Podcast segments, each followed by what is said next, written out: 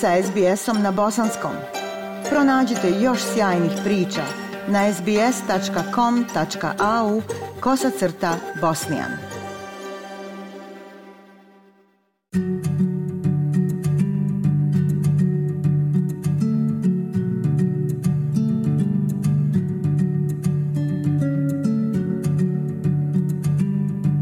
Slušate SBS program na bosanskom jeziku. Humanitarna organizacija Salvation Army kaže da je kriza povećanja troškova života gurnula desetine hiljada Australaca u ekstremno siromaštvo. Organizacija je anketirala više od 1700 ljudi koji su koristili njihove usluge u proteklih 12 mjeseci i otkrila da 93% ispitanika ne može priuštiti osnovne potrebštine. Major David Collinson već dvije decenije radi za Salvation Army. This is the worst that we've seen it in the 20 years I've been working for the Salvation Army. Ovo je najgore što smo um, vidjeli u 20 godina koliko radim za Salvation Army. Očigledno da su svi troškovi porasli. Kada sam počeo prije 20 godina, mislim da nije čak bilo ni računa za mobilni telefon, tako da se društvo dosta promijenilo. Postaje sve komplikovanije, stvari poput afterpaya, mogućnost odgode plaćanja i sve te različite stvari kojima svako može pristupiti ne pomažu situaciji. Možeš naći novac i zadužiti se lakše nego ikada prije. Ipak imamo odličan tim za brigu o novcu. Financijski savjetnici zaista pomažu u nekim dugoročnim rješenjima kako bi pomogli mnogima da izađu iz cikličnog siromaštva. Major Collins kaže da su rastuće stanarine širom Australije također veliko opterećenje.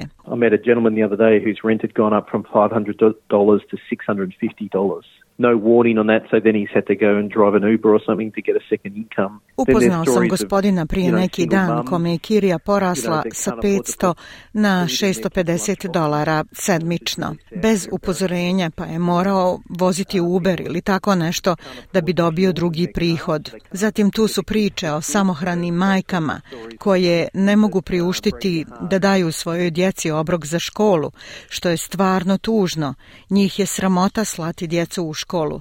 Ljudi koji ne mogu priuštiti da plate gorivo, pa ne mogu svoju djecu voziti u školu, postoje te vrste priča koje vam slamaju srce. Resursni centar za migrante u zapadnom Sidneju također je primijetio povećanje potražnje za tim uslugama. Centar pruža niz usluga podrške, uključujući vaučere za hranu, tražiteljima azila, izbjeglicama i članovima migrantskih zajednica – Socijalna radnica Jordanos Dagni kaže da je povećanje potražnje primjetno, posebno od početka ove godine.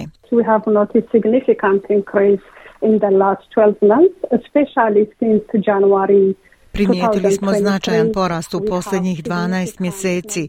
Posebno od januara ove godine imamo značajan broj ljudi koji dolaze u našu službu i traže financijsku podršku. Ona kaže da joj neki klijenti govore da moraju preskočiti neke obroke. They said they can't afford to eat three meals a day at the moment because Rekli su da trenutno ne mogu priuštiti da jedu tri obroka dnevno zbog porasta troškova života, uključujući hranu, namirnice, benzin. Još jedna organizacija koja je upoznata sa izazovima sa kojima se suočavaju ranjevi Australci je Doxa Youth Foundation u Melbourneu. Osnovao ju je 1972. godine otac Joe Jacobi, katolički sveštenik koji je radio s nekima od najugroženijih zajednica u Melbourneu. Prepoznao je da među mladima s kojima je radio mnogi nikada nisu imali godišnji odmor ili da su putovali negdje. To je dovelo do osnivanja kampa u Malmesburyu u centralnoj Viktoriji, gdje su djeca iz siromašnih porodica mogla imati ferije. Doksa je od tada osnovala gradski kamp u Melbourneu i školu u Bendigu za različite mlade ljude koji imaju teškoće u redovnom obrazovanju. Otac Jacobi kaže da Doksa može pružiti iskustvo ruralnog rezidencijalnog kampa uz simboličnu cijenu ili čak besplatno. The price now that we we trade at is $30 per day Cijena koju smo sada prihvatili je 30 dolara po danu, ali postoji fond koji nijedno dijete neće isključiti zbog nemogućnosti plaćanja. Dakle, ako mogu da plate samo 20 dolara dnevno, oni plaćaju 20 dolara, a ako ne mogu platiti, onda ne plaćaju baš ništa. Otac Jacobi kaže da su izazovi troškova života prilično očigledni među nekim katolicima kojima on služi.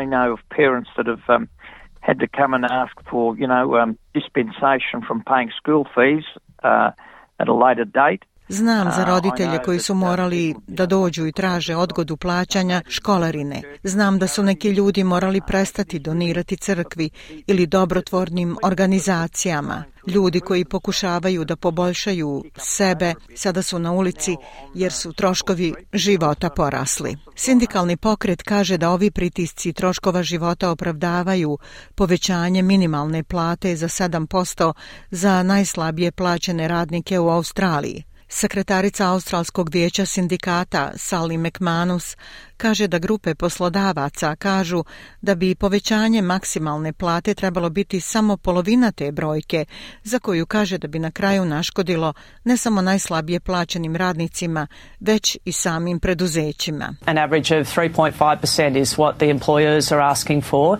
which means that someone on the minimum wage would go backwards in real terms around 15 Prosječno 3,5% je ono što poslodavci traže, što bi značilo da bi neko s minimalnom platom platom išao nazad u realnom iznosu za oko 1500 dolara godišnje. To je zaista kratkovidno od strane poslodavaca, jer ako ljudi imaju manju kupovnu moć, to je manje novca i za njihovo poslovanje.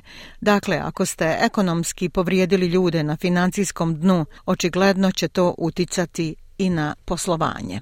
Ja sam Aisha Hadži Ahmetović. Ostanite i dalje uz SBS program na bosanskom jeziku like, share, comment. Pratite SBS Bosnian na Facebooku.